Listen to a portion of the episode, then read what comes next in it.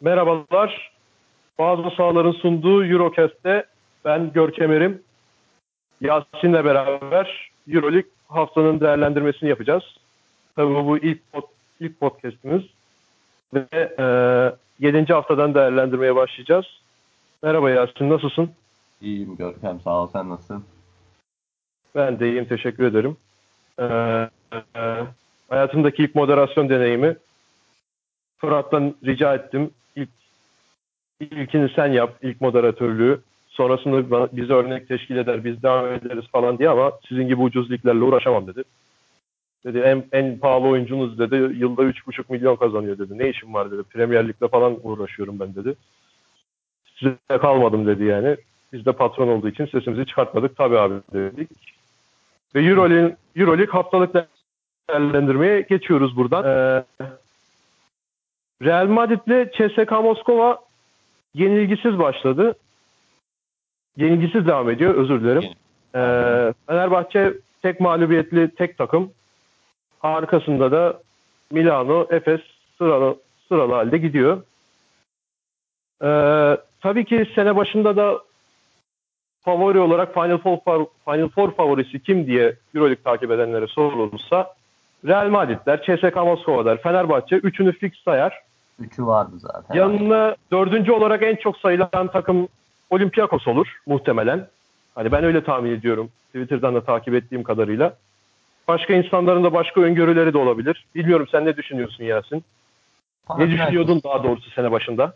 Panathinaikos sayılabilirdi. Klasik zaten oraların adamı. Barcelona'nın bu koç değişikliği, kadro takviyeleri falan Barcelona'yı atabilirdi oraya. Panathinaikos Olympiakos'tan önde mi görüyordun?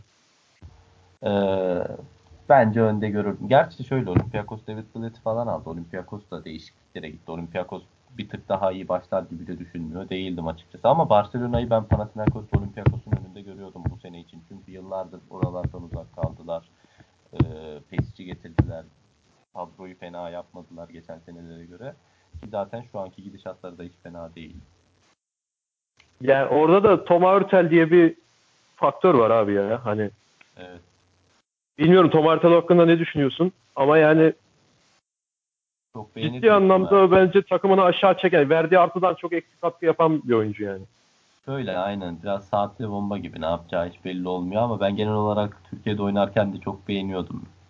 Yani ama işte şey Sulukas'ın Fener'deki ilk yılları gibi biraz yani iyi oynuyor falan bir anda saçmalıyor.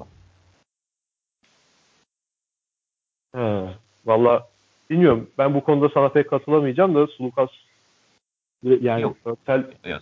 Şu anki hali değil. Iş, Yok. seviyede kapı olarak hani. Şu anki hali değil. Sulukas'ın şu anki hali bambaşka da hani ilk yıllarda Sulukas da çok eleştiri alıyordu Fener'de hatırlarsın. Her maç ha, yanlış tercihlerle falan maçı çıkmaza sürüklüyordu. Biraz dediğim onun gibi ama ben beğeniyorum ya Hörtel'i. Anladım. Peki o zaman. Ee, sıralı Türk takımları ağırlıklı konuşacağız. Sıralamadaki en üstteki temsilcimiz Fenerbahçe'nin maçıyla başlıyoruz. Pire'de ağırlandı Fenerbahçe Olympiakos tarafından. Ee, 73-72 galip ayrıldı.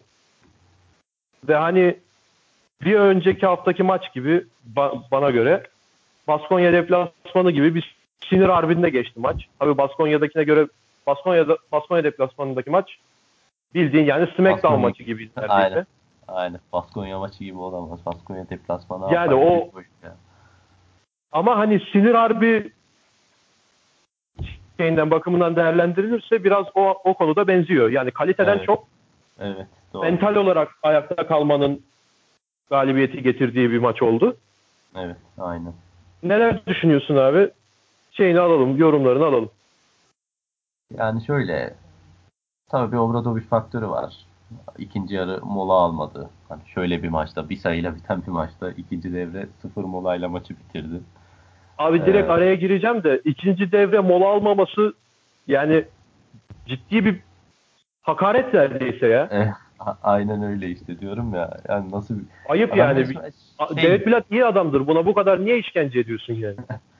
Adam bir şeyler deniyor ya Euroleague üstünde. Resmen artık hani o, o kadar alışmış ki maçlara, atmosfere, kazanmalara, kaybetmelere. resmen bu kadar önemli bir maçta bir şeyler deneyebiliyor. Bence bilerek yapıyor yani. Hani orada en basit koç bile hani en basit koçtan en üst koça kadar herkes o son hücumların birinde bir mola alırdı kesin. Alışkanlık alırsın yani. Alışkanlık. Hani basketbol alışkanlığı gereği bir mola alırsın. Adam almadı. Yani, refleksif mola. olarak da alırsın değil mi? Yani aynen, almayacak onu, onu, onu diyorum aynen. Adam bence bilerek almıyor yani. Deniyor bir şeyler. Hani şov, şov yapmaya gidiyor gibi bir şey ya. Evet. Ya hatta bir yerde şey oldu ya e, top Fenerbahçe'ye geçti. Fenerbahçe hücum edecekken kenarla bir masayla bir evet. anlaşmazlığı oldu. Aynen. Mola sandı herkes. Orada da İsmail Şenol başta şey dedi hani mola istedi Aynen. de vermedi de sonra oyuncu değişikliğiymiş halbuki falan. oyuncu, oyuncu Belki de gerçekten mola istedi de sonradan düşündü lan mola almayayım dedi de değiştirdi. Yani dedi, dediğin gibi bir, bir psikolojide ise böyle bir şeye çıkıyor yani bu. O da olabilir aynen. Garip ya ama e, yine bir son rebound faciasıyla sonuçlanabilecek bir maçta girmedi yani o top o tip evet, son evet. tip ne, Kimdi o tipti yani? Milutino muydu? Milutino'du herhalde ya aynen Milutino'du. Yine bir şey evet. verdik yani orada. Aynen bir soğuk terler döktük. aynen. Veseli, Yan Veseli yine baba oldu. Allah analı babalı büyüsün. Allah bağışlasın. Evet. Ee, Obradoviç de Veseli'nin kendisi gelmek istemesine rağmen hayır dedi. Sen ailenle kalacaksın. İşte yeni çocuğun doğmuş. Uğraşma evet. böyle şeylerle. Git çolukla çocukla ailenle ilgilen dedi. Evet. İşte geçen Bunun, sene bu neyi göstergesidir ve e, bunun ne gibi bir artısı olmuştur sence takıma? Ya şöyle geçen Öyle sene Yas, Yasikeviç Yusta yapmıştı aynısını hatırlarsın şeyde. Evet evet yarı final maçında ligdeki. Ama hani o şimdi Litvanya ligindeki bir yarı final maçıydı. Bu şeyde Euroleague'de belki de bir tek oynayabileceğin evet. deplasmanı. Playoff'ta karşılaşmazsan yani Olympiakos'u deplasmanda yenmek için tek şansın var evet. sezon içinde. Doğru. Ve pek çok istatistikteki en tepedeki adamını haklı sebep haksız sebep tabii ona bir şey demiyorum. Tabii ki %100 haklı sebep. Pek çok insan da takdir etti zaten. Ee, getirmiyorsun maça. İstanbul'da bırakıyorsun. Yani şöyle zaten hani 3-4 yıldır Fenerbahçe'nin takımının hep bir aile gibi olduğu falan konuşuluyor. Hani çok iyi, iletişim çok iyi. Hep beraberler zaten öyle köklü kadro değişiklikleri olmadı. Her sene maksimum bir kişi değişiyor, iki kişi değişiyor. Tabii bu buna katkı sağlıyor. Onun dışında e, yani Obradoviç de böyle şeylere önem veren bir koç. Yani sonuçta demiştir ki en fazla kaybederiz. Ne olacak ki Olympiakos'tan kaybedip gelsek ne olacak? Düşüncesine bile girmiştir yani, evet. bence. Yani koçlar şey yapar e, sezon başında falan genelde e, böyle bir listeye bütün maçlarını yazıp yanına puanlarını yazarlar. Hani galibiyet, mağlubiyet diye. Obradoviç belki de bu maça mağlubiyet bile yazmış olabilir. Onun için bence bir insanın aile mutluluğunun bir galibiyetten en azından böyle bir galibiyetten çok daha önemli olduğunu düşünen bir koç zaten Obradoviç'in mantalitesinde az çok biliyorsun onun için. Yani. Bence bence çok düşünmemiştir bile Obradoviç baba olduğunu duyduğunun en başından beri götürmemiştir. Hani hiç götürsem mi acaba Allah'ın yenilir miyiz falan filan moduna bile girdiğini düşünmüyorum ben. Tabii canım. Ve hatta ben şöyle de düşünüyorum. Yani bunu uzun vadeli bir düşünceye girdiğinde Obradoviç hani Veseli'nin oğlunun doğduğuna şöyle sevinmiştir. Kendisi sağ içindeki etkiyi düşünerekten şöyle sevinmiştir. Yani şimdi şöyle bir şey şöyle şeyler yapan bir koç Obradoviç. Ee, takımının sağ içinde bir challenge'a koyuyor abi. Bir meydan okumaya koyuyor. Mesela atıyorum antrenmanlarda çalışıyordur tabii ki de bunu. Hatta şeyde de yapmıştı. Real Madrid'le playoff oynanırken 2016'da.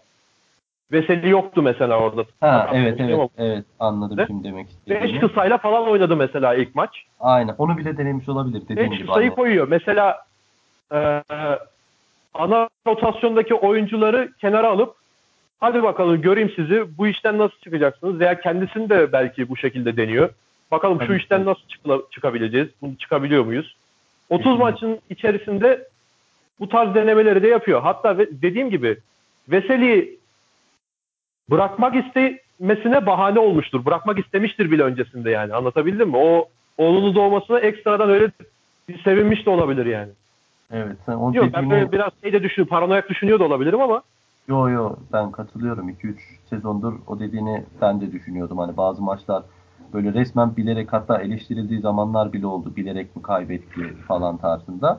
Ama hani böyle şeylerin diyorum ya sezon içinde bir Olympiakos deplasmanına zaten mağlubiyet alsan olur. Hiçbir taraftar, hiçbir kulüp yöneticisi, hiçbir Euroleague izleyicisi şaşırmaz yani Fenerbahçe'nin Olympiakos deplasmanında kaybetmesi bir hayal kırıklığı kimse de yaşatmaz ama dediğin gibi uzun vadede acaba vesilesiz neler yapabiliyoruzun müthiş bir antrenmanını yapmış oluyor. Hani o sonuçta o ülke arenada kendi salonunda yaptığın antrenmana benzemez.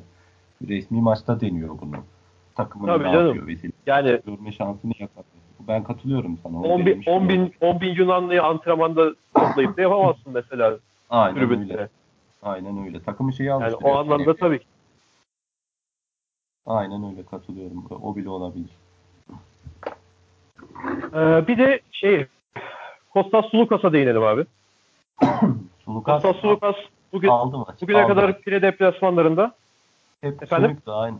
Hep sönüktü dediğin gibi aynen. O, o da şeytanın bacağını kırdı biraz. Hep kötü oynardı Yunanistan'da o pire deplasmanında. 20 sayı attı. Ee, şeytanın bacağını kırdı bence.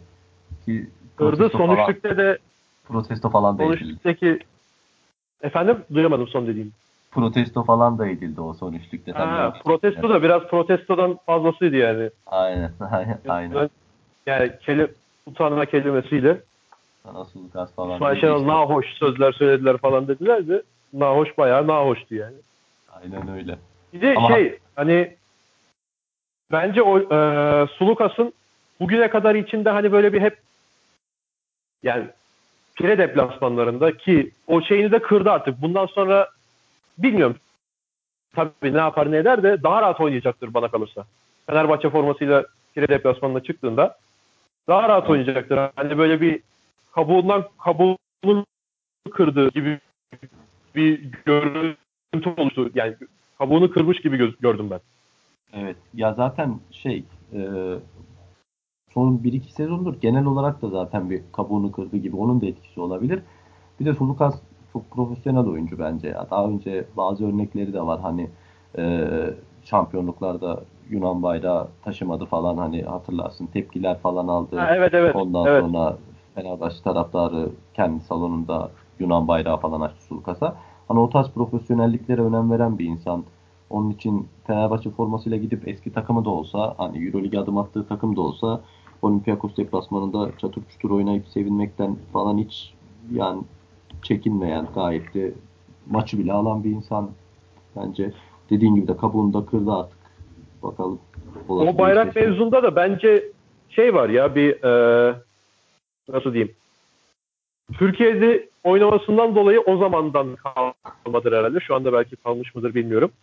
E, belli çekinceleri var. Yunan olmasından dolayı da vardı Evet, evet. daha doğrusu öyle diyeyim. Öyle, Hani öyle yani acaba şöyle yaparsam Türk insanı Aynen. alınır mı? Ben de Yunanım sonuçta. Bana acaba bu tarz tepkiler gelir mi? Zartut Evet. bilmem ne. Hatta şey şey de vardı. Anıtkabir ziyareti vardı kupa alındıktan sonra. Hmm. Anıtkabir'e gitmiş ama mesela fotoğrafta yoktu. Hmm, ben onu hatırlamıyorum. Evet, fotoğrafta yoktu. Yani gidip gitmediğini tam bilmiyorum. Ya gitmiştir muhakkak da. Hı hı, Yani bilmiyorum ne düşünmüştür, ne hissetmiştir. Onun için de garip bir durum yani.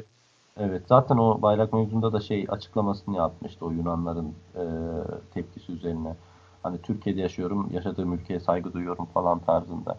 Yani çoğu basketbol izleyicisinin takacağı şeyler değil de hani laf açıldığı için söylüyorum zaten. Türk basketbol izleyicisi takmaz da tam tersi durumda Yunan basketbol seyircisi Evet, bayağı ben- olay çıkarabilir yani. O Evet. 90'larda Aynen. falan ne olaylar döndü abi. Biliyorsundur. Duymuşuzdur yani. 93'teki Aris Efes Saporta Kupası finali. evet, Yani sandalyelerle Aynen. millet sandalyeler fırlatıyordu bizim oyunculara. aynen öyle. Bir de abi ben ekstradan şuna da değinmek istiyorum bu maç özelinde. Melih Mahmutoğlu diyeceğim sana. Melih de Melih Mahmutoğlu şey e, şimdiye kadar hep böyle nasıl diyeyim şut yeteneğini gösteriyordu ama böyle rahat Çekiniyor. ortamlardaydı. Mesela çekiniyordu. 10 Aynen. sayı öndeyken 13'e çıkarıyordu farkı. Rakip Efesken etkili oluyordu. Veya Jalgiris'e mesela 4, defa, 4 tane üst üste atmışlığı var bir maç içinde. Ama böyle kırıcı maçlarda psikolojik olarak oyuncuyu zorlayan maçlarda pek Melih'i ortalarda göremiyorduk. Melih'in bu yeteneklerini ortalarda göremiyorduk. Obradoviç de Evet. bundan dolayı hatta bana göre de savunmadaki yardım savunmasındaki aksaklıklarından da dolayı Melih'i pek sahada göremiyorduk. Fakat burada hani Olympiakos'u Pire'de kıran üçlükleri attı. Yani bu Aynen bu kırmızı Sulukas için söyledik. Melih için de aynısını söyleyebilir miyiz? Bence de öyle. O hele ki o köşeden attığı iki üçlük var böyle el üstü falan. Ee, onlar çok iyi. Zaten dediğin gibi fırsat veriyordu Obradoviç mesela. Ee, ama o şutları kullanmadığı için geri kenara alıyordu. Hani az arıyordu Melih. Oturuyordu, oynayamıyordu falan. Bu sezon e, özellikle ikinci, bir önceki sezonun ikinci devresine doğru da bu e, driplinglerini artırdı falan. O da bence alıştı artık hani Euroleague'e nasıl oynaması gerektiğini falan biraz geç de olsa fark etti bence. Ki bence gayet de hani şu an ya Fenerbahçe'nin şu an tartışması en iyi üçlükçüsüdür bence ben öyle düşünüyorum. Rahat olsa, rahat Yani- olsa Çok aynı şeydi. Yani Belki Sulukas'ın yüzdelerin mesela Melih'e göre antrenmanda dursalar yan yana atsalar yanına bile yaklaşamaz. Belki yarısı kadar yüzdeli atamaz. Ama kaç senedir Sulukas Melih'ten daha yüzdeli oynuyordur Euroleague'de. Melih denemiyor, çekiniyor. Hani iki saniye gecikiyor, düşünüyor. evet E, abi el- tek tek tek katmaya programlı böyle bir. aynen öyle. El gösteriyorlar. Bu maça kadar öyleydi. Falan. Aynen öyle. Ama bunda bence gayet özgüvenli oynadı ki 7'de 4'te üçlük atmış zaten. Bence gayet iyiydi. 26 dakikada süre vermiş Obradovic. Hani Melih'in ben bir Euroleague maçında 7 dakikayı 8 dakikayı geçtiğini çok hatırlamıyorum geçen senelerde. Abi evet aynen ben de. Ya bir de o step back attığı vardı ya ikinci yarıda. Hatırlıyor Evet. musun onu?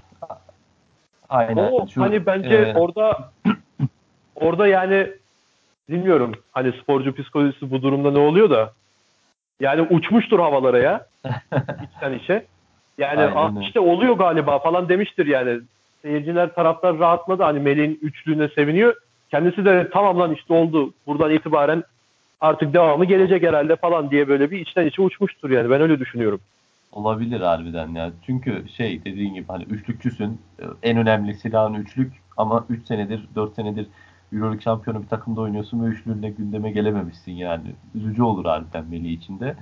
Dediğin gibi o da inşallah özgüvenini kazanmıştır o üçlük konusunda. Daha çok üçlükleriyle görürüz artık. Çünkü İnşallah. o- Bogdanovic gittikten sonra Guduric de o hani Bogdanovic'in yerini zaten alamadı.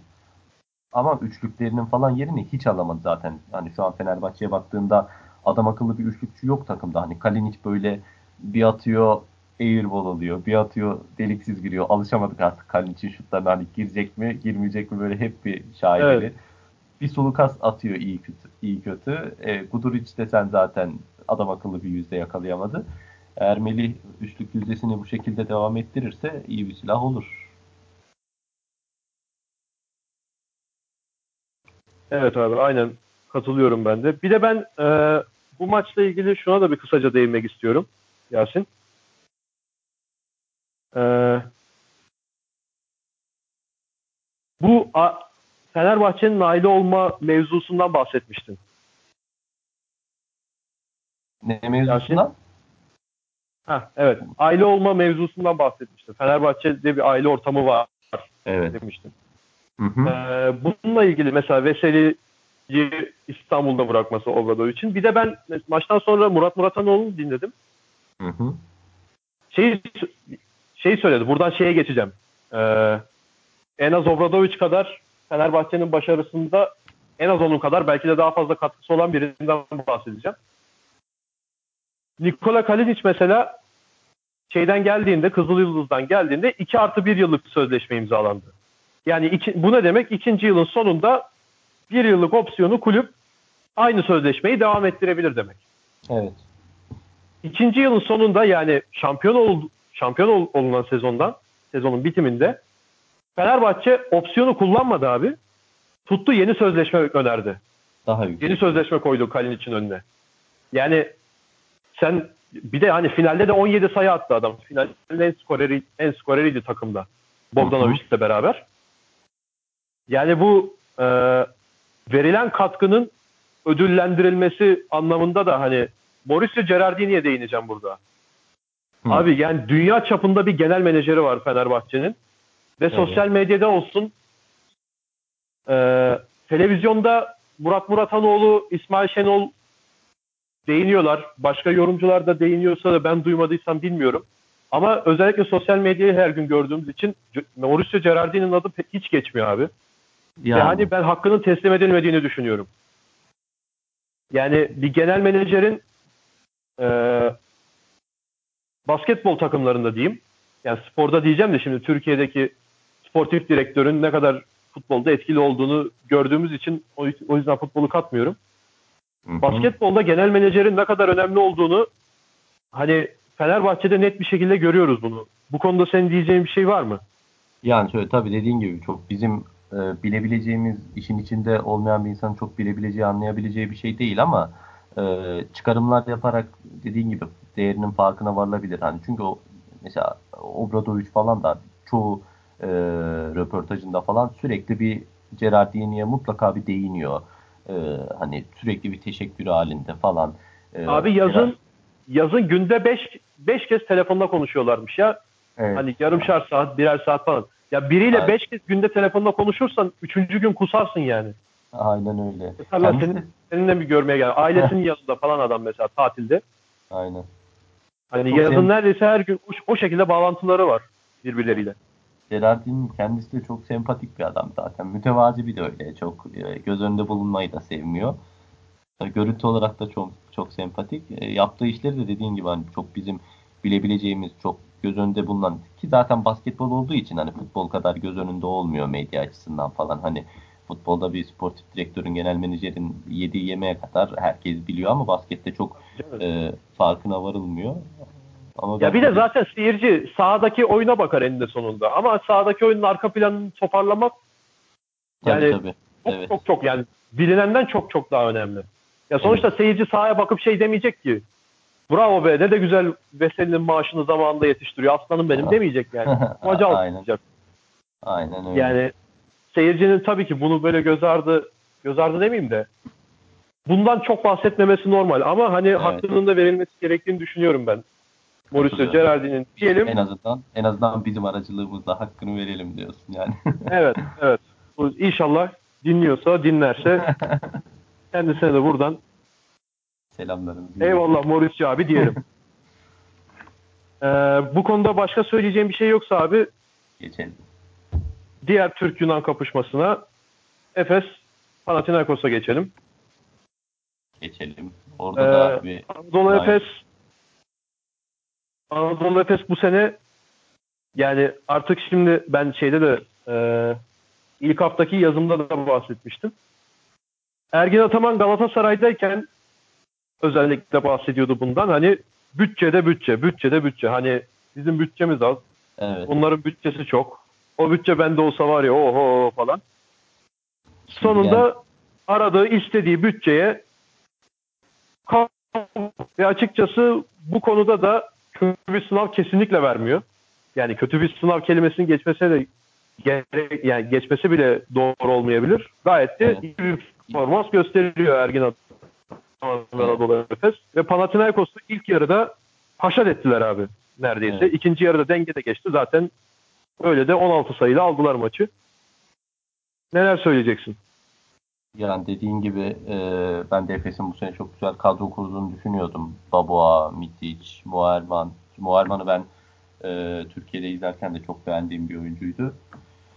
Simon, e, baştan Tibor Plyce falan baştan bir kadro kurdular ki bence gayet de kaliteli bir kadro. Hani bütçe olarak da Euroleague'deki hiç, hiçbir takımın öyle aman aman altında kalacak bir kadroda değil bence.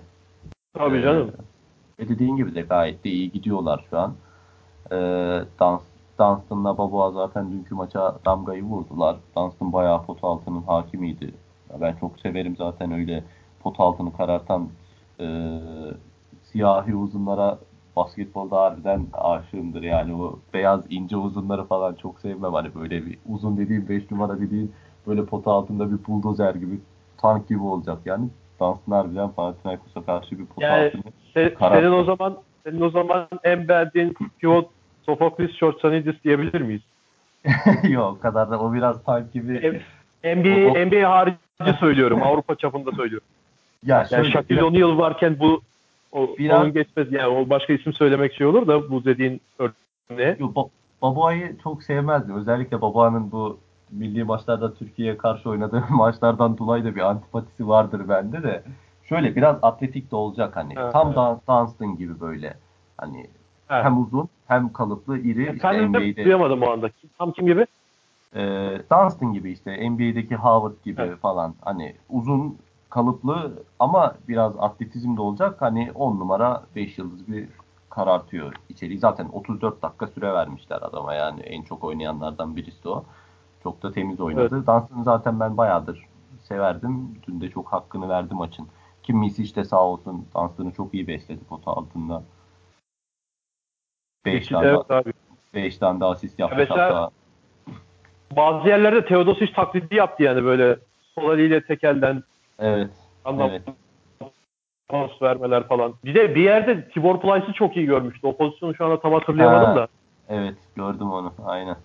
O özetti mi? Bir yerde izledim onu da ben de şu an hatırlayamadım pozisyonu da gördüm Tibor Plyce. Ee, Dunstan dedik abi. Mitsic dedik. Bir de Mitsic ve aynı ikizi gibi oynayan Krunoslav Simon var. Hani ikizi gibi Evet. bilmiyorum ben kendi basketbol bilgi çerçevemde, perspektifimde öyle görüyorum. Abi böyle bir topu alışları, sahaya bakışları, attıkları şutlar falan bile aynı. Biri diğerinden daha esmer. Öyle ayırt edebiliyorsunuz zaten. Aynen öyle. saymazsan. Aynen öyle. Yani- Hatta bir İkisini de bir de sahaya sürüyor Ergin Ataman. Hani sanki böyle şey gibiler. Ha bu hücumu sen yaptın ver sıra bende falan. ya ben de bir hareketlerinden birini izlerken dedim hani bir ara Simon ne güzel pas vermiş dedim e, Dunstan'a falan dedim. Sonra spikeri falan dinleyince fark ettim hani Mitsic vermiş. Ben de o derece benzettim. Dediğin gibi bence de Simon da Yani zaten çok daha önce görmediğim bir saha içi yapı. Ya bilmiyorum belki görmüşüzdür.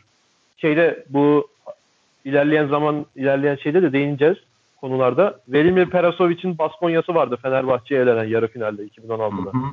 Evet. Orada da mesela Darius Adams, Mike James beraber oynuyordu. Hani Hı. bilmiyorum.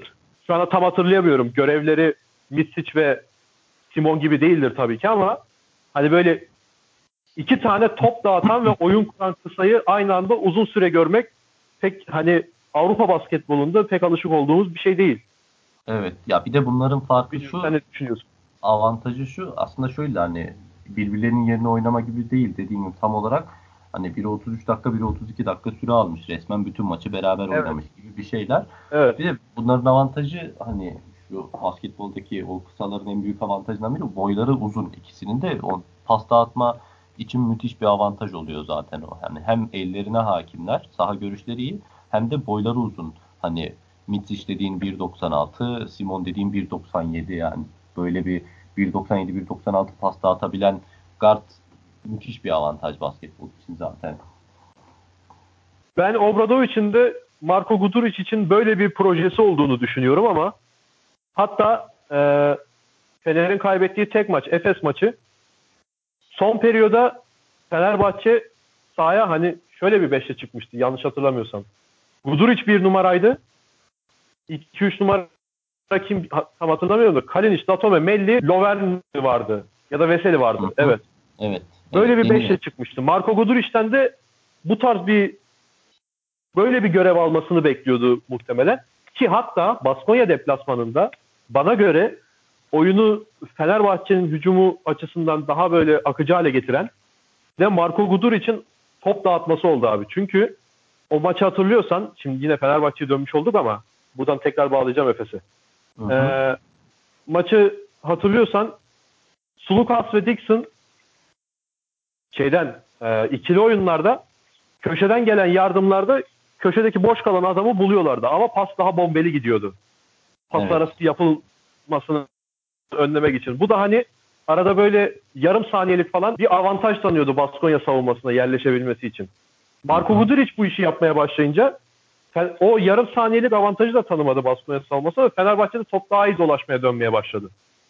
Evet. Hani Marko Guduric'ten de Obradovic aynı görevi, aynı rolü bekliyor ve pek başarabildiğinde söylenemez. Senin de daha önce bahsettiğin gibi. Efes'te de elinde iki tane var. Bir de bunların yanında abi Boboa da oynuyor mesela. Üçünün de aynı anda olduğu oluyor. Yani tabii, oyun tabii. kurulamadı mı? Ver abi Boboa'ya girsin. Yapsın bir şeyler. Parçalasın falan ki parçaladı.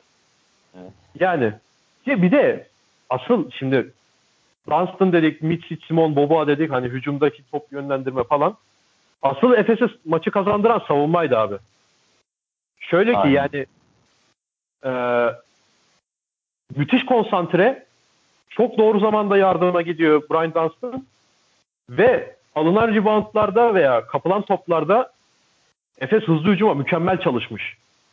Yani kafayı ilk kaldırdığı anda bir saniye falan bir oyuncuyu arar. Hızlı hücuma çalışmamış bir takımda böyle bir şey olur. Hani bir saniye bir pas atacak oyuncuyu ararsın. Kime vereyim ki oradan gitsin falan diye.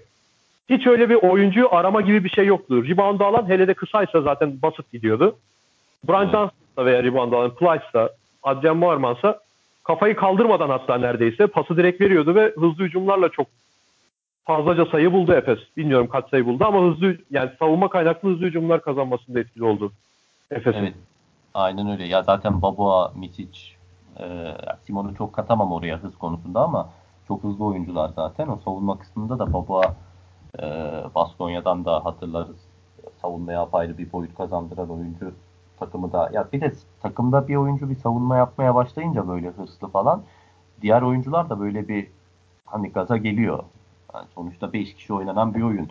Hani lan bu adam bir şeyler yapıyor. Ben de yardım edeyim. Şurayı ben de kapatayım falan. Ayıp olmasın. Aynen, aynen öyle. O da çok etkili. Yani takımda bir oyuncu ateşlemeye yetiyor basketbolda genelde. Yani tabii. Evet. Doğru söylüyorsun. Diyelim. Ekleyeceğim bir şey var mı abi? Efes Panathinaikos maçı için. Yok yani çok net, güzel bir galibiyet hani böyle bir Panathinaikos gibi bir takımı evde bu kadar net galibiyetle yenmek bence çok güzel bir başarı. 16 sayı çok da temiz oldu ki 5 maçtır galibiyetle gelen bir Panathinaikos vardı karşısında da. Bence geçen hafta da Olympiakos'u döve döve yendilerdi. Aynen evet. öyle bence çok büyük başarı yani. Bir de şey diyeceğim abi bak. takımları karşılaştı ve iki takımımız galip geldi. Bunun üstüne şey de söyleyeceğim. Hakemler mevzunda. Mesela 2000'lerin başı, 90'ların sonu Türk Yunan takımları karşılaşmalarında özellikle Yunanistan deplasmanlarında ortadaki kararların Türk takımı lehine verilmesi neredeyse mümkün değildi. Evet. Hani o zamanlar ben çocuktum. Çok böyle canlı izlediğimi hatırlamıyorum ama birkaç tane izlediğim maçta veya işte Türkiye Yunanistan milli maçlarında yani Yunan lobisi mi diyeyim artık. Yunanlar bu hakem üzerindeki baskı kurma konusunda inanılmaz başarılılardı. Evet. Efes Panathinaikos maçında şu anda ta- çok hatırlayamıyorum ama orada da bu tarz pozisyonlar var ama Olympiakos Fenerbahçe maçında e, ortada ha, hatta şey vardı. Kalinic şey itirazını etti. Neydi onun adı? Sportmenlik dışı faul. Aynen öyle. Yani mesela o dediğim yıllarda olmuş olsa böyle bir olay mümkün değil abi yani böyle Fire deplasmanında tabii yani tek, belki teknik faal aynen kendisi de alabilirdi. Veya işte arada e, bir mesela Olympiakos oyuncunun parmağın ucuna çarpıp çıkıyor falan. O konularda Yunan takımı aleyhine karar vermek neredeyse mümkün değildi. Bu devrin de ne kadar değiştiğini de gösteriyor bir anlamda. Ya işte bunun sebebi şu artık Türk takımları Euroleague'de basketbol anlamında darbe vurdular. Hani biz de buradayız deyince otomatik Tabii. olarak lobin de gelişiyor. Taraftarın işin içine giriyor. Hani Türkiye'deki taraftar bilincinin özellikle Fenerbahçe'nin taraftarının bilincinin falan ne kadar arttığını fark etmişsindir pozisyonlara itiraz anlamında falan ki bu Tabii, hakem evet. psikolojisini çok etkiler. Yani hakem şöyle sahada hakem e, şüphede kaldıysa ve o pozisyona 15 bin kişi itiraz ediyorsa bu hakem psikolojisini çok net etkiler. Hani o anda ama sen evet. şüphede, şüphede kaldığın bir pozisyonda kimse itiraz etmezse sen aynı devam edersin. Etkilenmezsin yani kolay kolay. Ama senin de... de Ve işte hani... Evet söyle abi. Ya senin de tam onu diyorum. Senin de böyle hafif şüphe ettiğin bir pozisyona bir de üstüne o kadar insan itiraz edince şüphen oluyor. İki hani şunu da diyeceğim hani Fenerbahçe'nin başına hani Obradoviç geldi. Artık hani menajerleri Gerardini falan. Tabii. Artık hani Fenerbahçe şey demeye başladı. Hani böyle bir Eurolig'e rastgele gelmiş bir takım değil de her sene Eurolig'de zirveye oynamış bir takım imajını yarat yarattığı için artık hani onu göz önüne almak zorunda. Hani bu takıma karşı yapılan bir yanlış karar çok da sırıtmaz, çok da konu olmaz diyemiyor artık kimse hani. Acaba konu Şeyi olur hatırlıyor mu? musun abi? Obradovic'in ilk senesindeki top 16 maçı vardı. İçeride Armani Milano ile oynuyorduk. Atılmış mıydı? Obradovic atılmıştı. O maçı kaybetmiştik. O günden beridir abi o Juan Carlos Arteaga'ydı hakem yanlış hatırlamıyorsam Aha. İspanyol. O günden Evet. beridir Fenerbahçe'nin herhangi bir maçında Arteaga yok. Arteaga hakemlik yapıyor mu onu da bilmiyorum şu anda. Euroleague, Euroleague'de bile hakemlik yapmıyor artık aynen. Öyle mi? Evet. Evet. Obradovic Yani- böyle bayağı bir saha içinde zor çıkarmışlardı falan. Sahadan Evet. zor çıkarmışlardı aynen. Baya parmak falan sallamıştı. Ya işte böyle yani bu seni dediğin gibi hani Obradovic orada o itirazları yaparken atılacağını bilmiyor mu? Biliyor ama bunun bir şeyler uzun vadede bir şeyler getireceğini Tabii. biliyor. Hani adam şunu Ya- düşünüyor. Artık biz de buradayız. Hani herkes ne yaptığına dikkat etsin falan tarzı. Abi bir de şöyle bir şey var. Hani bu konuyu biraz uzatıyor gibi olacağım da bunu da söylemek istiyorum. Ee, şimdi bir şey düşün. Kurtlar sofrası düşün veya işte lordlar kamerası, yuvarlak masa şövalyeleri artık adına ne dersin? Hı hı. Şimdi böyle bir ee, nasıl diyeyim? Bir grup var, ekip var. İşte babalar toplanmış, her akşam yemek yiyorlar falan. Bir hayalinde canlandır. Aralarına biri girmek isterse mesela birinin gözüne girmeye çalışır. Onun yanında masada işte bulunur. İnsanlar onu tanır falan. Sonra aralarına katılır ve onu severler sayarlar. Euroleague'deki bu Lordlar kamerasını böyle Real Madrid, Maccabi şu anda ben e, bu yorumu da Murat Muratoğlu'ndan çaldığımı da söyleyeyim ama aynen de katılıyorum yani. Çok hoşuma gitmişti. Real Madrid, Maccabi, Barcelona, Panathinaikos Olimpiyat, başka kimi sayabilir? Bu gibi takımlar. Baskonya, eskiden Tau Ceramica'ydı, bir ara Kaha Laboral'di falan. Adı sürekli değişiyor. Ama orijinalde hep Baskonya.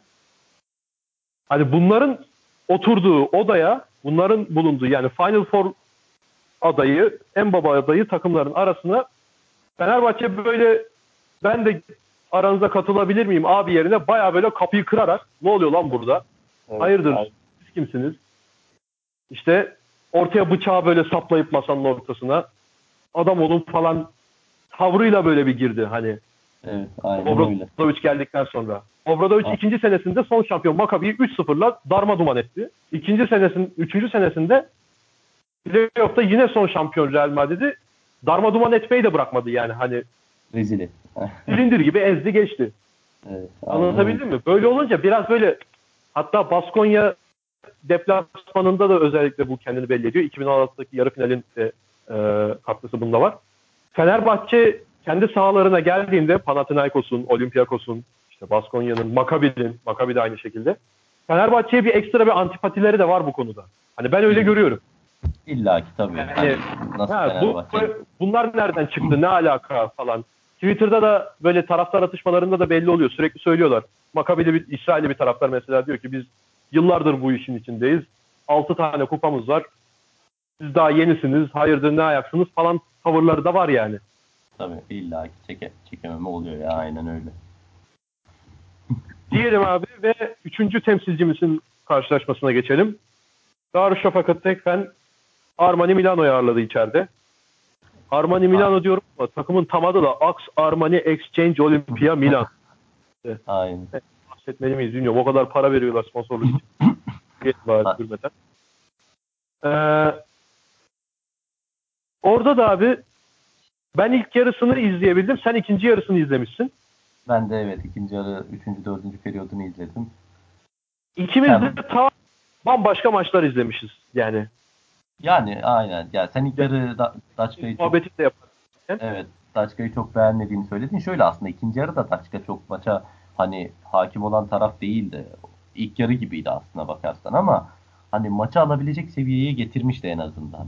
Özellikle üçüncü periyodun sonunda ya yanlış hatırlamıyorsam berabere gidildi üçüncü periyot. Dör, dördüncü periyot için.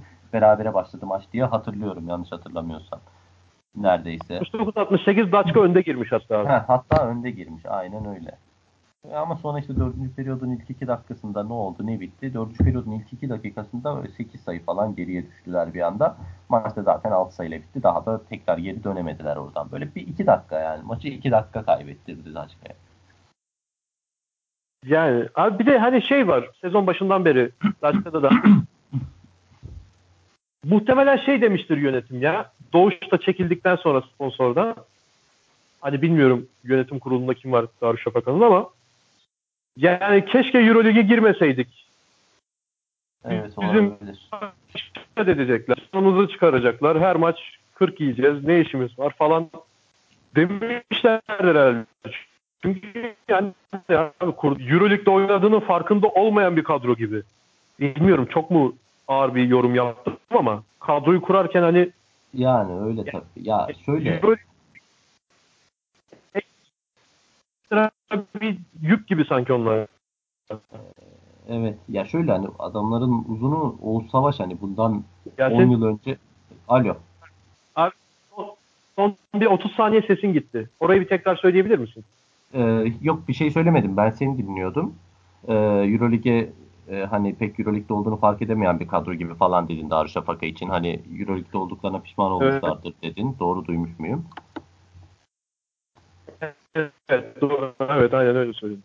Ha, şöyle ona ona destek verecektim. Hani ben bir şey demedim. Seni dinledim. Şöyle hani Oğuz Savaş uzun oynuyor. Hani Oğuz Savaş ki 10 yıl önce Fenerbahçe ile Euroleague'de zar zor oynayan bir oyuncuydu. Hani bundan 10 yıl önceki gençliğinde şu an Oğuz Savaş'ın kaç yaşında olduğunu bilmiyorum da 35 falan vardır bence. Şu an Darüşşafaka'nın uzunu gibi bir şey yani. Hani ne kadar ne yapabilirsin Abi- ki? 87 jenerasyon 87 doğumluyum. Aynen. 87'de olduğunu düşünürsek 31 yaşındaymış. Aynen. hatta şimdi Ya bak daha çok yaşlı daha- sayılmazmış. çok da yaş sayılmazmış ama tabii demek ki çok genç şey yaptı, zirve yaptı. Ondan bize öyle geliyor. Evet, evet. Ama yani Olabilir. sonuçta hani demek istediğim şu. hani 23, 24, 25 yaşlarında bile hani genç halindeki ağır bir oyuncu Oğuz. Genç halinde bile Fenerbahçe'de hani çok öyle bir aman aman oynayamadı hiçbir zaman. Hani şu an 31-32 yaşında ağırlaştı, daha da ağırlaştı falan. Hala aynı iki dakikada izlediğim kadarıyla çok da etkili olamıyor. Hani şöyle Oğuz kendini kendince yani Oğuz Savaş olarak iyi oynuyor. Türkiye Ligi'nde ki hani gelmiş geçmiş tamam belki en iyi 10-15 pivot arasına girer ama Euroleague değil yani bence. Euroleague'lik bir oyuncu evet. değil. Ben, ben Euroleague'de Fener formasıyla oynadığı en iyi maç olarak şeyi hatırlıyorum. Ee, Nevel İspanya'nın son senesini hatırlıyor musun? 2011-12 sezonu. O zaman da normal sezon topan aldı. Aynen. Normal son maçıydı. Saçma sapan bir maçtı. Kantu deplasmanıydı abi. Andrea Trinchieri'nin Kantu'suydu. Ben, Hmm. Bennett Kantu'ydu o zaman adı. Evet. Ee, diğer tarafta Bilbao ile Baskonya oynuyordu. O maçın skoruna göre Fener kazanırsa lider, kaybederse eleniyor muydu? İlk dörde girmesi gerekiyor işte tur atlaması için. Veya işte o maçın skoru başka şekilde sonuçlanırsa da kesin garantiliyordu. Öyle saçma sapan bir hal vardı. Fener de o maçı kazanmıştı ve öbür maçın skoruna bağlı olarak lider çıktı. Ee, normal normal sezondaki grubunu Hmm. lider bitirmişti. O savaşın bir o maçta Kantu deplasmanında iyi oynadığını hatırlıyorum. Belki şey hatırlamadıysan her şeyden hatırlayabilirsin. İsmail Şenol alev aldı Bogdanovic. evet. Evet. Bir repliği vardı. Ya Oğuz diyorum ya hani o Bir tek o maçını ele- hatırlıyorum abi. Yani o, o kadar sene oynadı Fenerbahçe'de. Ben hani böyle akılda kalan bir performans bilmiyorum belki ben de hatırlamıyor olabilirim. Ya şöyle Oğuz normalde bence pivot hareketleri falan çok iyi olan bir oyuncu. Bence pivotluğu falan çok iyi biliyor da. Hücumu yani sonuçta çok fizik- etkili. Evet ya fiziği avantajlı bir fiziği var mesela ama iri saygı falan ama bunu atletizme çeviremediği için falan Euroleague'de çok olmuyor yani. Euroleague'de olmuyor. Ki Oğuz'un ben pivot hareketlerini falan çok beğenirim. Normalde çok zeki pivot hareketleri var Oğuz'un ama dediğim gibi o atletizmle birleşmeyince Euroleague sonuçta artık hani Euroleague'de de atletizm ön plana çıkıyor NBA gibi. Geride kalıyor Tabii. ister istemez. Evet. At, o ya Otello Hunter falan Ya, 3 Kaan Kural- metrede Şey, zavallı beyazlar diyordu.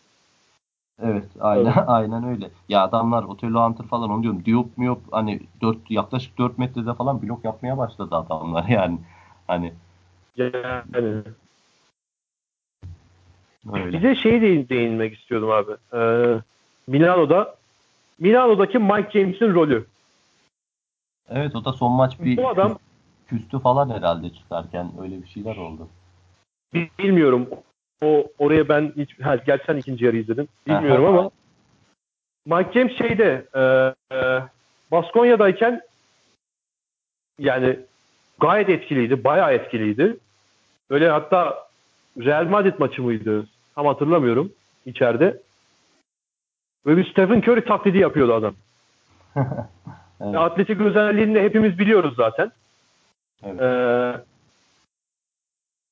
o takımı ki ileride değineceğiz. Bence Baskonya'dan ayrılması onun için pek iyi olmadı. Oradan Panathinaikos'a gitti. Panathinaikos'ta da sağ içindeki rolü Karates'le paylaşmakta pek hoşuna gitmedi ki buradan da İtalya'ya geldi, Milano'ya geldi.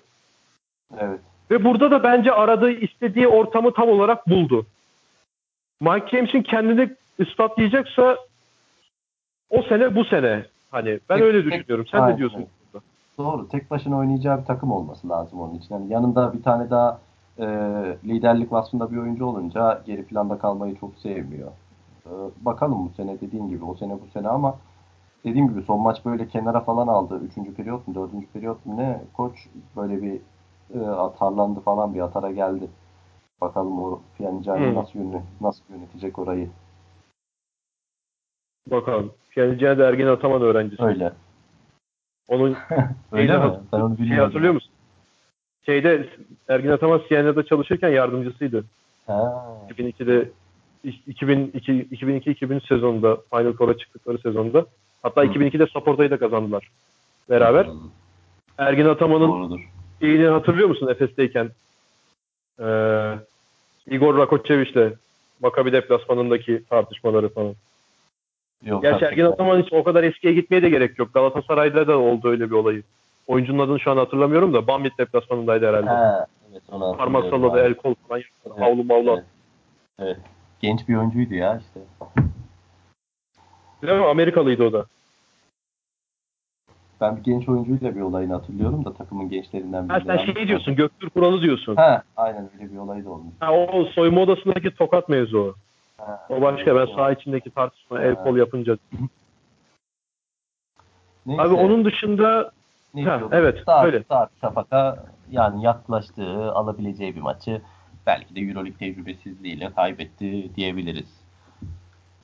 Hani sonuçta yani, bence evet. yeter, yeterliydi. Kadrosu da yeterliydi. Hani şöyle bir maçta son periyoda 69-68 önde giriyorsan kadronun maçı kazanmaya yeterli demektir benim için yani. 3 periyot 69 sayı atmışsın o takıma ki son periyotta hani yenilip de kadro yetersiz falan filan bahaneleri bence mantıksız. Ben bunun hani koçun ve genel olarak takımın Euroleague tecrübesizliği olduğunu düşünüyorum. Ya bir de hani şey e, ben ilk yarıyı izledim dedim ya sadece. İkinci Hı? yarı istatistiklerden takip ettim canlı olarak. İlk yarı Milano böyle maça bayağı konsantreydi. Hani her rebound'a atlıyorlardı. Ne yapacaklarını gayet iyi biliyorlar. Kendilerinden eminler. Nemanja Nedovic coştu, eli yanıyor falan. Hani istatistiklere bakarken de ikinci yarı maçın dengelendiğini gördüm. Dedim herhalde bunlar da kontak kapattı. Milano kontak kapattı herhalde dedim. Çünkü başka türlü Darüşşafaka'nın yakalama ihtimali de yoktu. Kaldı ki evet. maçın tekrarını sonra bir denk geldim televizyonda. İşte Üçüncü çeyreğinde falan. Şey dedi ya da iki, ikinci çeyrekte de demiş olabilir. Erkan Erdoğan yanındaki yorumcu işte. Yerin yanındaki. Yani Milano şu anda oyundan koptu. Kontak kapattılar terimini kullandım hatırlamıyorum ama öyle bir şey söyledi. Tam böyle oyuna girmemizin zamanı gibi bir şey söyledi. Hani senin dediğin gibi bu maçı alması gerekiyordu derken de Milano'yu böyle yakalamışken tokadı vurabilecek bir tane gerekiyor en azından. Evet. Ya işte orada biraz tecrübe farkı ya. Mike James olsun, Mitchell olsun, Darius Bertans olsun, hani Nedovic olsun. Adamlar zaten Euroleague'de doğmuş, büyümüş insanlar. Çok kasmıyorlar o son periyotta o rahatlıkla oynayabiliyorlar. Deplasman olsun, kendi evlerinde olsun. Bence o fark etti yani maç sonunda. Yani evet. Öyle. Ee, bu konuda söyleyeceğin, eklemek istediğin başka bir şey abi var mı? Kalmadı benim de. Olmadı. Peki. Ee, e, tarihi bir rekora geçelim. Budućnost Voli Podgorica takımının. Evet. Kırdı. Üçlük yanılmıyorsam. Bilmiyorum doğru söyledim. Sesim geliyor mu şu anda Yasin? Geliyor geliyor. Tamam. Ee, Budućnost, Voli, Podgorica abi Baskonya önünde 99-84 kazandı 15 sayı farkla. 34'te 21 üçlük attılar. Aynen. Ee, burada ya o haberini de ta- takip edin. Burada rekor olan 21 üçlük atılmış olması mı? Yoksa %61.8 olması mı? Bilmiyorum Yok, sen ona bak. 21 Yirmi- üçlük atılmış olması değil mi? Evet evet o o odur. Ee, Yani şimdi ben de bir şüpheye düştüm sen böyle deyince ama odur ya odur. evet. Doğru %61'den daha atmış takımda olmuştur. İll- yani. İlla Yani. denk gelmiştir bence de. Abi istatistik olarak Edwin Jackson öne çık çıktı. Hani 24 sayı, 4 rebound, 4 asist falan ama dediğimiz gibi burada konuşmamız gereken konu Buluş dostum. Rekor kırması ve etkileri. Sonrasındaki rakibini etkileri. Abi ben şeyi söylemek istiyorum öncelikle. Ben Buluş Nost'un bir tane maçını izledim. İlk hafta Milano ile içeride oynadıkları maç. Hı hı. Hani e, hücumdaki akışkanlıkları bazen bu bu Panathinaikos maçındaki Efes vari veya işte Fenerbahçe'nin bildiğimiz top dolaştırma oyunu onlara hatırlatan seviyeye böyle ara ara çıkıyordu saniye saniye ama kaliteleri yetmiyordu işte tamamlayamıyorlardı. Pasın zamanlaması biraz daha geç gidiyordu falan ama hani belli bir şeyler yapmaya çalışıyorlar. Koç bir şeyler oturtmayı oturtmayı başarmış mı diyeyim hani oturtma yolunda iyi ilerliyor koç Alexander Cikic. Ee, hani hücum bu iyi yaptıklarını ama kalitelerinin yetmediğini düşünmüştüm. Sonraki maçlarını çok izleyemedim ama bunu da hani bu maça bakarak da söyleyebileceğimiz şey herhalde hücumda bir şeyler bayağı yolunda gitmiş demek ki. Tarihi rekoru da Yani- kırdıklarına göre. Şöyle. yani ben şöyle düşündüm biraz. Çok Buduknos yalan söylemeyeyim. Çok takip ettiğim bir takım değil ama bence bu maç biraz da bu üçlük rekorunun hattına gelmiş gibi. Hani öyle çok aman aman bir kadro kurdukları söylenemez ki Tabii yani. çoğu oyuncuyu tanımıyoruz bile. Hani adamların uzunu Alenomic Fener'in hazırlık kampında Evet, evet antrenman oyuncusuydu. antrenman oyuncusuydu yani. Biraz hani o üçlük yüzdeleri Edwin Jackson 9'da 6, Earl Clark 2'de 2 falan eee, biraz öyle olmuş. Onun şansına gelmiş gibi. Yani bir de rakibe bıraktığı etkiye geçecek olursak da eee Baskonya bu seneki Final Four'un ev sahibi ki herhalde daha öncekilerden daha önceki sezonlara göre taraftar camia. Şimdi camia kelimesini kullanıyorum biraz garip kaçıyor çünkü Türk futbolu için bir önemli şey bir kelime, çok kullanılan kelime.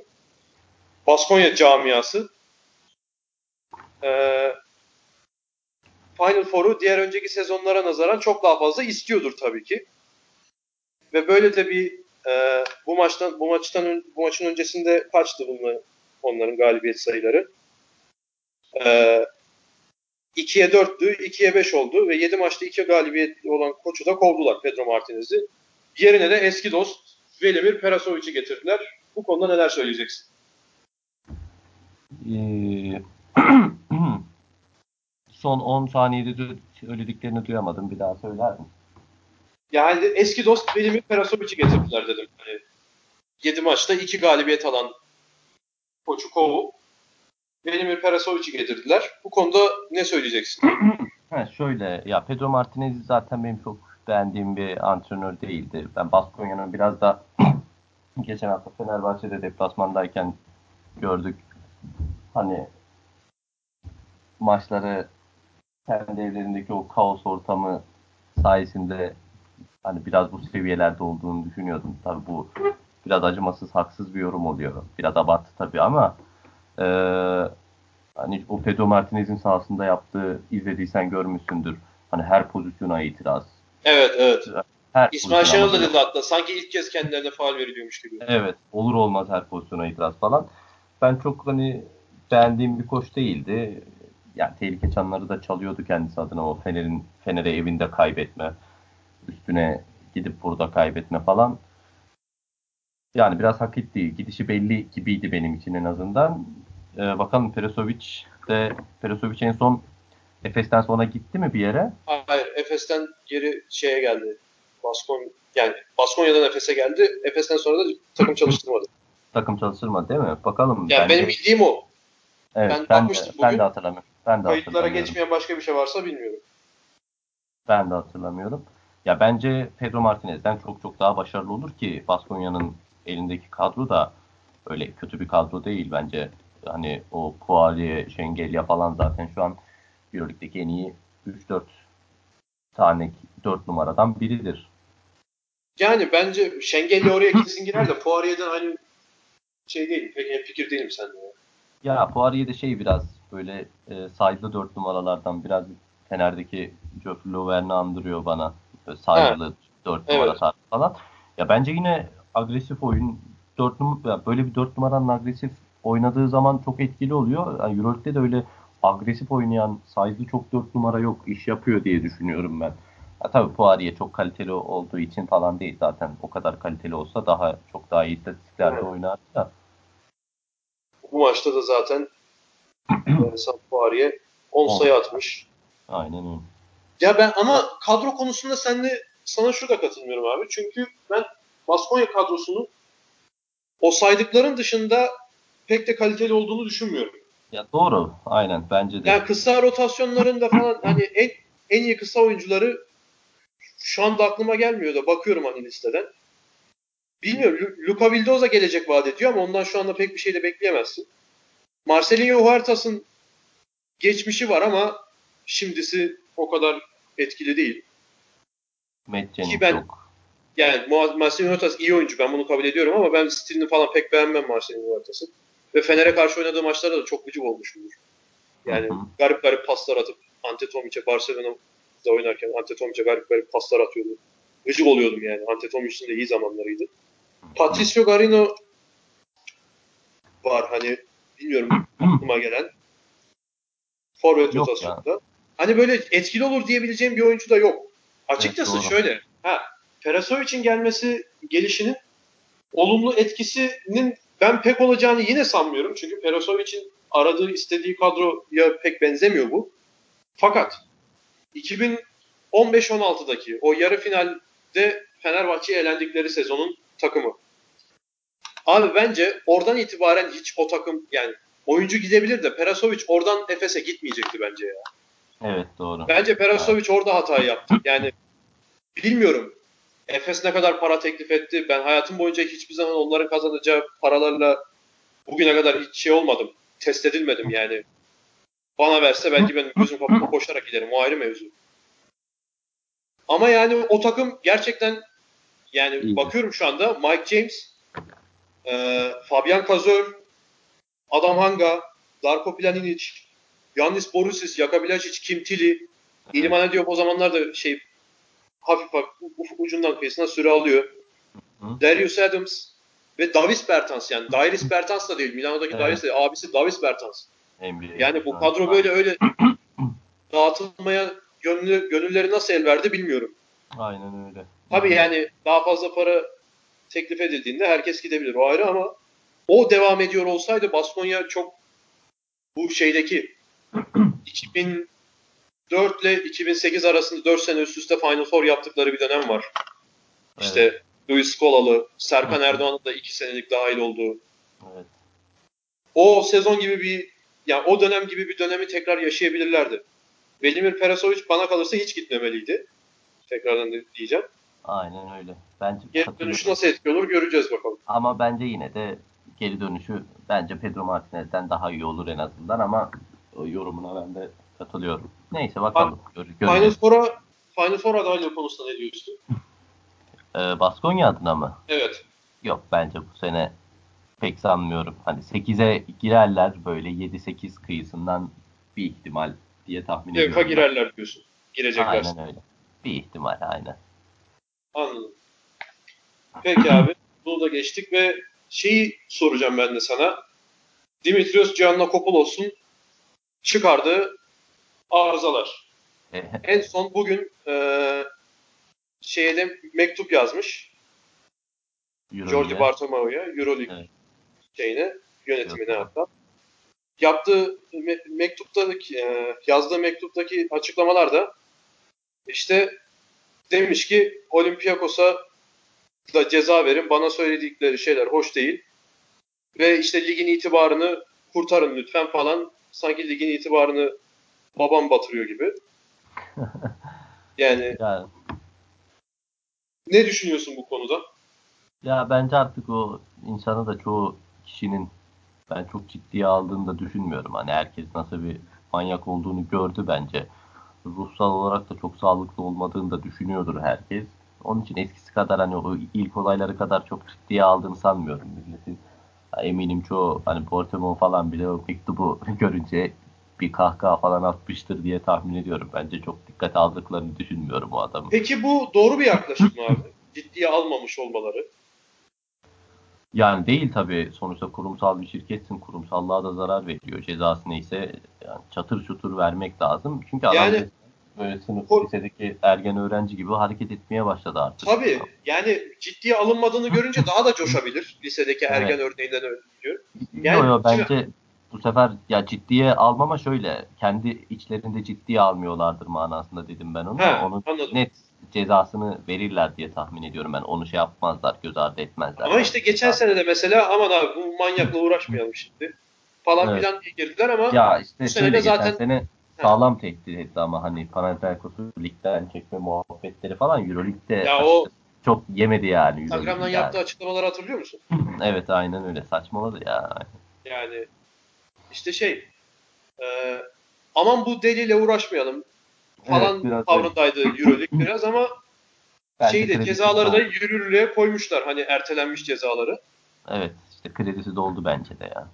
Yani cezalar da bakayım 160 bin euro para cezası kesilmiş. 9-16 Nisan'da yaptığı açıklama açıklamalar işte geçen seneki açıklamadan dolayı. Hı. 20 Nisan'daki yaptığı açıklamayla da yine 24 bir maddeden ihlal edilmesiyle, maddenin ihlal edilmesiyle 250 bin euro daha oradan yemiş. 160 bin euro ayrı, 250 bin euro ayrı yemiş. 30 bin euro da bu Panathinaikos Olympiakos karşılaşmasındaki hakem odasını basma olayından dolayı yemiş ceza. Hı hı. Bir de disiplin soruşturması başlatılmış turnuvanın imajına zarar verdiği için. Yani bana kalırsa çok çok çok geç kaldı yani. Evet. Abi Instagram açıklamasından sonra direkt Panathinaikos'u en kötü şey- en iyi ihtimalle şey demen lazımdı. Ya bu adamı başkanlıktan gönderin atın ya işte o yani Dimitrios Giannakopoulos'un dahil olduğu bir Euroleague olmayacak diye bir bu, bu tavırla hareket etmeleri gerekiyordu bana kalırsa. Yani o Instagram açıklaması öyle çok burada, burada konuşamıyoruz bile yani. Evet aynen öyle. Doğru. Bu konuda ekleyeceğim başka bir şey var mı abi? Yok ya dediğin gibi doğru olan yapılmış. Bakalım cezalar yürürlüğe girmiş. Ya ben çok bir şey anlayacağını düşünmüyorum ama bakalım zaman gösterecek ne yapacak, na- nasıl olacak, nasıl davranmaya devam edecek. Bakalım. Peki buradan da e, en son şeye değinelim. Gran Canaria'daki basketbol buz pisti. Aynen. Yani Efes maçında antrenmanda Shane Larkin sakatlandı. Wilbeck'in de maç öncesi antrenmanda bayağı şikayet etmiş. Twitter'dan duyurdum bilmiyorum ama benim önüme gelmişti o ettiği şikayet. Ee, Hı hı. onun dışında da artık Oyuncular Birliği'nin de bu konuda Euroleague yönetimini talepte bulunmasıyla ya başka salonda oynanacak. Zaten Gran Canaria parkeyi değiştirme kararı almış. Ama herhalde değiştirmeyecekse de başka salonda oynanacaktı zaten. Bir sonraki iç saha maçları nerede oynanacak o konuda tam bir bilgim yok açıkçası ama ne diyeceksin bu konuda? Yani Bir şey var mantıklı olmuş. Mantıklı olmuş tabii bu karar. Ya bu da Ama- bence geç kalınmış bir karar abi. Yani Evet doğru. Efes maçını izleyen herkes dedi yani bunu. Sen niye bir sonraki maçı da bekletiyorsun ki? Evet. Onu çok anlayabilmiş değilim açıkçası. Ya Euroleague açıklama yapmış zaten. Konunun sezon başlangıcından beri takip edildiği diye. Hani madem sezon başlangıcından beri takip ettin 8 Takip haftadır ne? Dedi, e, takip et güzel biz de takip ediyoruz.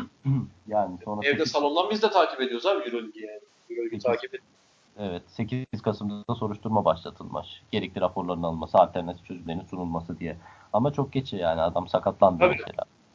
Yani o sakatlanması ilk o olayın ilk görüldüğü yer. Hani mesela şeyle e, Gran Canaria Ma- Maccabi maçında Maccabi maçında da bir arıza çıkabilirdi yani. Hadi Evet. abi Euroligi geç. Ligde falan da İspanya Ligi'nde de kendi oyuncuları falan da mı şikayet etmiyor? Ben bunu anlamadım açıkçası. Ben hakikaten ya Gran Canaria oyuncularından niye bir şikayet gelmedi? O da çok anlamsız geldi bana. Alışmışlar demek ki avantaja çeviriyor olabilirler adamlar. Yani- Ne abi ayağının altına bir şey mi yapıştırıyor? Olabilir. Evet abi senin değinmek istediğin başka bir konu aklına gelen, söylemek istediğin bir şey yoksa bu haftalık kapatalım. Yani şimdilik gelmedi. Bence ilk başlangıca göre iyi uzun bir yayın bile yaptık yani. Evet abi ben de yani ilk kez yaptığım yayından da gayet keyif aldım. Sana da teşekkür ediyorum. Ben de Burada bazı sahalar Eurocast aracılığıyla. Ee, söylemek istediğin başka bir şey yoksa bu haftalık kapatıyoruz. Ağzına sağlık. Eyvallah abi senin de. Haftaya tekrar görüşmek dileğiyle. Hoşçakalın.